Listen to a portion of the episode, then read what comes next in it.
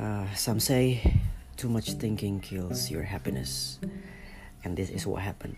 I've become so much thinking about how should I edit this post, first post, since I've been working here. So, in this very first episode or the initial one, I would love to tell you that I will become a journalist of Southeast Asia. I have to be an expert on the topic of Southeast issues and to reach that goal, I use several sources.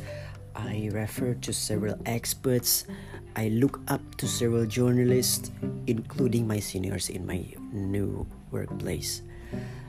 Uh, currently, I was, I am appointed in the program of Three Hours News Show, while previously, in the last one month or so, I worked at the program of C Morning Show. Yes, morning show. So I worked in the night, go back home in the noon, in midday, in the afternoon. I woke up.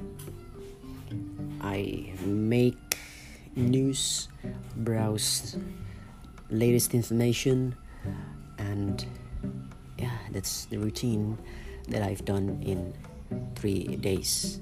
And three days afterwards, I have a day off. Quite fun.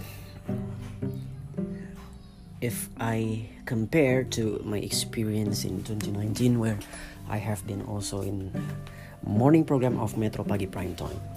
This is a new experience and I have to embrace it and I have to be thankful that let it be a an editorial view a research results and so forth. Oh my focus in next episode is share what i have been learned. Here's a little fact for you. I am now working for the segment of sport so sport is my daily consumption now. Yeah i'll be a sportman. New challenge. I'm happy for this. See you next episode.